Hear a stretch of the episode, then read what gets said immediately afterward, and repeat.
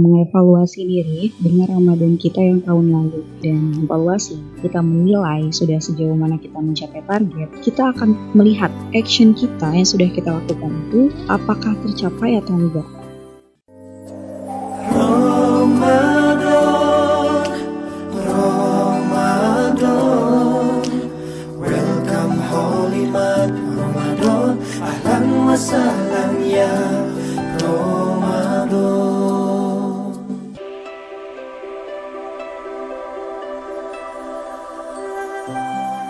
Assalamualaikum warahmatullahi wabarakatuh. Welcome back to my podcast. Oke, di episode 14 kali ini Insya Allah gue akan bahas tentang uh, Throwback My Ramadan gitu ya. Jadi kita bakalan sedikit mungkin merenung atau mengevaluasi diri Atau kilas balik lah dengan Ramadan kita yang tahun lalu gitu. Tujuannya apa sih?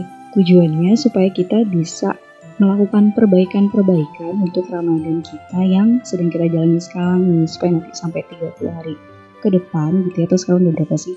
Udah tiga harian ya? Nah berarti sisa 27 hari lagi. Nah 27 hari ke depan itu kita berharap supaya Ramadan kita jauh lebih baik lah daripada Ramadan kita yang sebelumnya. BCW teman-teman udah tahu kan ya arti dari throwback? Yang banyak gitu kan kalau di sosmed itu uh, ngupload foto atau ngupload sesuatu terus ada hashtag throwback gitu. Throwback itu kan artinya kita itu mengenang atau mengingat kembali ke suatu peristiwa atau suatu momen yang di masa lalu lah gitu. Itu yang namanya throwback gitu kan. Jadi bisa kita ambil kesimpulan juga ya throwback itu ya mengenang masa lalu gitu. Dan kalau menurut gue pribadi, uh, apalah artinya sebuah kita itu mengenang gitu ya ketika kita nggak bisa ngambil satu pengajaran di dalamnya kita nggak bisa ngambil satu hal baik di dalamnya apa nih momen yang bisa kita evaluasi dari masa lalu itu gitu? Nah tujuannya berarti di sini adalah kita ingin mengevaluasi bagaimana sih capaian-capaian kita di Ramadan tahun lalu apa yang bisa kita perbaiki di momen sekarang gitu. Jadi poin pentingnya itu adalah di evaluasi sendiri itu adalah kita melakukan suatu penilaian terhadap action-action yang sudah kita lakukan. Jadi kita akan menilai sudah sejauh mana sih action kita itu mencapai target atau tujuan yang sudah kita tetapkan sebelumnya. Kalau misalnya kita nggak punya tujuan sebelumnya di Ramadan sebelumnya, kita juga nggak punya satu target yang kita sudah tetapkan gitu, maka akan sangat sulit kita mau melakukan evaluasi. Contoh konkretnya ini kayak gini, misal kita um, di Ramadan tahun lalu 1440 Hijriah itu kita berharap kita bisa hatam satu kali gitu. Nah kita evaluasikan di akhir Ramadan tercapai nggak yang kita targetkan itu gitu. Maka di sini kita harus memiliki target baru kita bisa melakukan evaluasi. Kalau kita nggak punya target, kira-kira apa yang kita evaluasi gitu.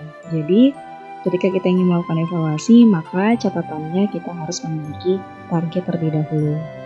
Jadi gitu ya, kita harus punya target. Oke, sekarang kita balik lagi nih tentang evaluasi tadi. Jadi nanti kita udah evaluasi ini. Terus apa? Hasil dari evaluasinya itu apa?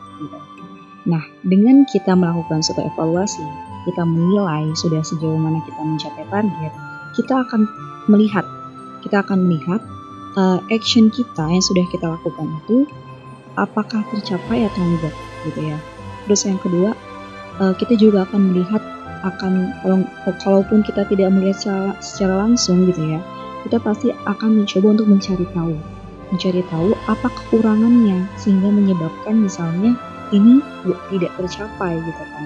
Terus yang berikutnya, uh, apa sih yang harus kita lakukan untuk memperbaiki supaya apa yang kita targetkan itu dicapai gitu kan. Kemudian kita jadi bisa mengidentifikasi apa aja kendala-kendala yang selama ini membuat kita hingga hal-hal tersebut tuh menghalangi kita untuk mencapai target kita seperti itu. Dan Allah perintahkan kepada kita untuk tiap-tiap diri itu mengevaluasi dirinya. Uh, di dalam Quran cintanya Allah ya, Quran surat Al-Hasr ayat 18, Allah berfirman, Wahai orang-orang yang beriman, Bertakwalah kepada Allah dan hendaklah setiap orang memperhatikan apa yang telah diperbuatnya untuk hari esok, hari akhirat, Dan bertakwalah kepada Allah, sungguh Allah maha teliti terhadap apa yang kamu kerjakan. Quran Surat Al-Hasr ayat 18. Dan kalau kita perhatikan gitu ya, di, di Quran surat cintanya Allah ini, itu tuh kalimat takwanya itu ada dua kali. Yang pertama adalah takwa kita sebelum kita beramal, kemudian juga takwa sesudah kita beramal gitu.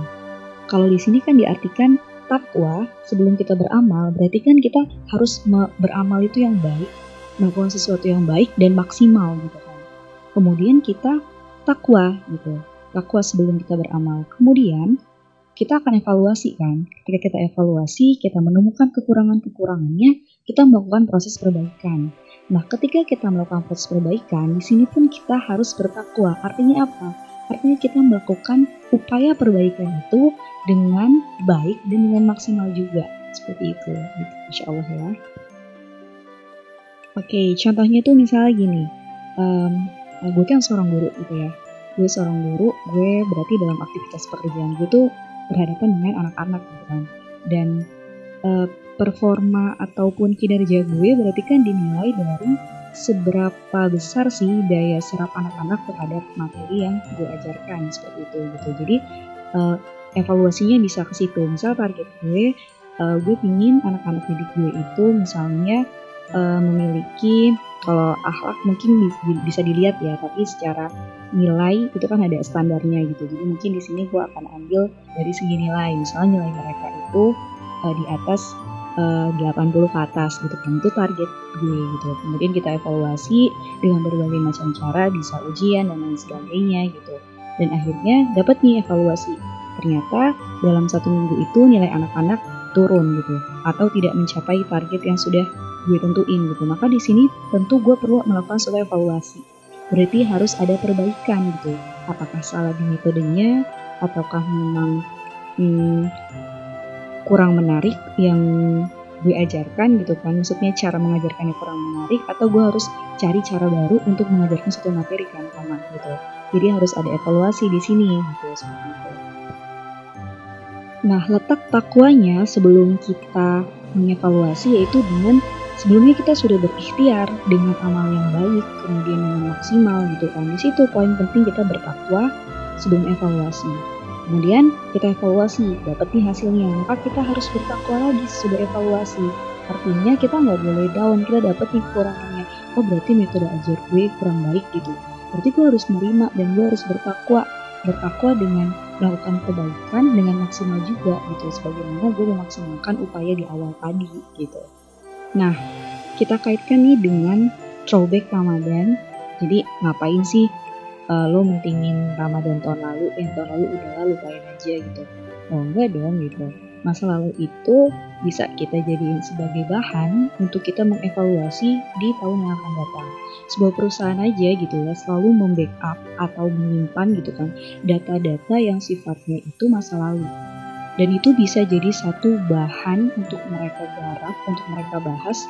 Dan nanti hasilnya itu biasanya dipakai untuk menentukan target-target di masa-masa yang akan datang, kayak gitu.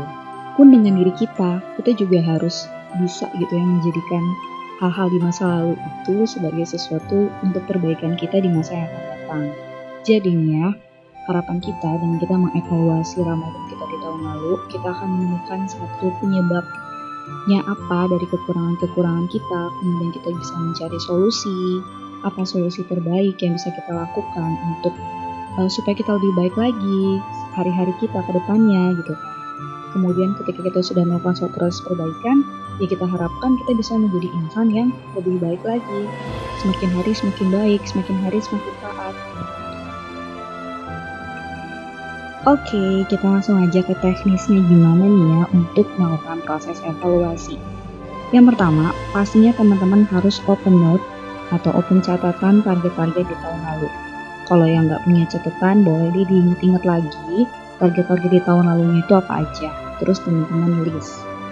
Setelah di list, dianalisa mana yang tercapai, mana yang tidak tercapai. Misal yang tercapai dalam kertas satu yang nggak tercapai di kertas dua terus udah deh mulai teman-teman tulis Habis itu kita cari tahu nih apa sih penyebab-penyebabnya, kenapa hal itu tidak tercapai. Kalau yang udah tercapai oke okay lah ya kita berusaha untuk meningkatin. Kalau yang nggak tercapai kita harus analisa dulu apa penyebab-penyebabnya. Kita identifikasi satu-satu. Oke, contoh misalnya satu, nggak sholat terawih. Kita cari. Kita cari tahu apa nih penyebabnya. Oh ternyata karena agenda bukber yang full. Berarti apa ya solusinya? Berarti solusinya uh, gue harus mulai membatasi nih untuk agenda bukber. Contohnya kayak gitu. Atau yang kedua, misalnya nggak hatam Al-Quran. Apa nih penyebabnya? Ternyata penyebabnya karena agenda-agenda misalnya kayak kegiatan hangout sama teman-teman ke mana, cari-cari baju lebaran, atau buat-buat kue, kayak gitu. Sebenarnya kalau manajemen waktu kita bagus, kita maunya tetap dua-duanya kita jalani, berarti kita punya target. Uh, targetnya itu bisa 20 hari setelahnya itu kita udah selesai hatam gitu. Jadi biar di 10 hari terakhir itu kita bisa pakai untuk agenda yang lain. Bisa untuk cari baju lebaran, bisa untuk buat kue gitu. Malah yang lebih bagus dipakai buat itikaf gitu kan. Itikaf, ibadah, berdiam diri di masjid itu kan jauh lebih baik ya apalagi di 10 hari terakhir. Gitu itu ya buat teman-temannya nah kalau kita udah tahu nih list-list solusinya juga udah kita dapetin. Langkah berikutnya apa sih? Langkah berikutnya yaitu kita melakukan list. Kita list lagi target baru action-action baru apa yang mau kita capai. Nah kalau kayak sekarang nih kondisinya kita yang harus di rumah aja stay at home gitu ya. Kita nggak bisa ibadah atau sholat terawih di masjid untuk beberapa teman-teman kita di belahan kota lain gitu ya. Maka apa sih yang bisa kita lakukan sedih sih pasti ya sedih gitu kan. Nggak bisa ngedengerin lagi tausiah bisa sih dengerin tausiah lewat online. Cuman kan kalau di masjid tuh duduk adem ada sejarah masjid ada orang-orang ramai pasti suasananya pun beda banget gitu ya. Nah artinya di sini kita harus bisa bersabar dengan kondisi yang ada. Dan mulailah kita untuk merenung berarti kita mungkin Allah sedang meminta kita untuk memperbaiki niat kita. Gimana gimana sih kita ini supaya bisa ikhlas beribadah dalam kondisi apa pun gitu ya kemudian kita juga bisa artinya memulai untuk menghidupkan rumah kita dengan ibadah menjadikan ya rumah kita itu sebagai tempat untuk beribadah layaknya nyaman seperti masjid gitu kan kemudian juga hikmah yang berikutnya adalah kita bisa merasakan quality time dengan keluarga yang jauh lebih banyak waktunya seperti itu. Semoga kita bisa melalui ujian ini dengan kuat, kemudian juga dengan tabah, dengan sabar. Semoga Allah menerima segala kita. Dan semoga kita bisa istiqomah dalam beribadah walaupun kondisinya itu berbeda dari Ramadan tahun lalu. Semangat ya buat teman-teman semua. Dan semoga kita nggak masuk ke dalam kategori orang-orang yang rugi, yang sebagaimana Allah firmankan, dalam Quran Surat An-Nahl ayat 92. Di situ Allah bilang, dan janganlah kamu seperti seorang perempuan yang menguraikan benangnya yang sudah dipintal dengan kuat, menjadi cerai berai kembali. Kamu menjadikan sumpah perjanjianmu sebagai alat menipu di antaramu, disebabkan adanya satu golongan yang lebih banyak jumlahnya dari golongan yang lain. Allah hanya menguji kamu dengan hal itu, dan pasti pada hari kiamat akan dijelaskan yang kepadamu apa yang dahulu kamu perselisihkan itu. Semoga kita bisa istiqomah sampai dengan akhir Ramadan dan sampai dengan 11 bulan setelahnya. Semangat ya teman-teman, walaupun kondisi kita sedang seperti ini, sedang diuji, yakinlah kita dapat pahala yang double-double banget. Pertama double, pertama kita dapat pahala karena ini bulan suci Ramadan, Allah sedang mendiskon-diskon pahala yang luar biasa. Setiap ibadah dilipat gandakan, baca Quran kita, sholat kita, sholat sunnah kita, dan lain sebagainya. Bahkan tidur kita pun berpahala tapi bukan berarti kita tidur aja ya, harus ibadah juga. Pahala yang berikutnya adalah kita bersabar dengan wabah ini, maka Allah akan memberikan pahala juga buat kita, seperti itu. Oke, sekian podcast episode 14 kali ini. Semoga bermanfaat ya teman-teman. Di akhir sesi, gue akan ngasih satu lagu, lagunya Adam yang judulnya Welcome Ramadan. Enjoy the listen. Wassalamualaikum warahmatullahi wabarakatuh.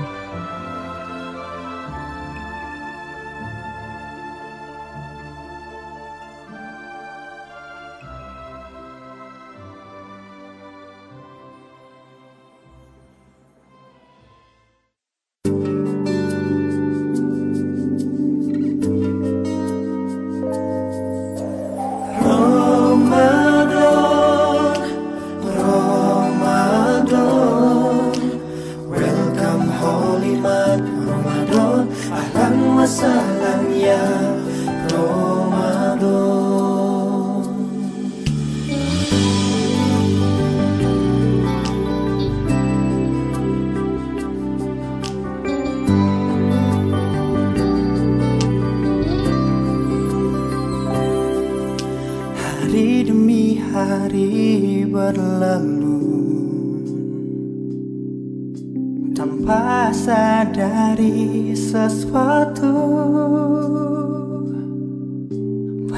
kesempatan yang dilewati. Dan penyesalan pun mengikuti. Kini saatnya kembali. Syukuri yang telah diberi. Begitu banyak nikmat teringgah Kita sambut bulan penuh ampun.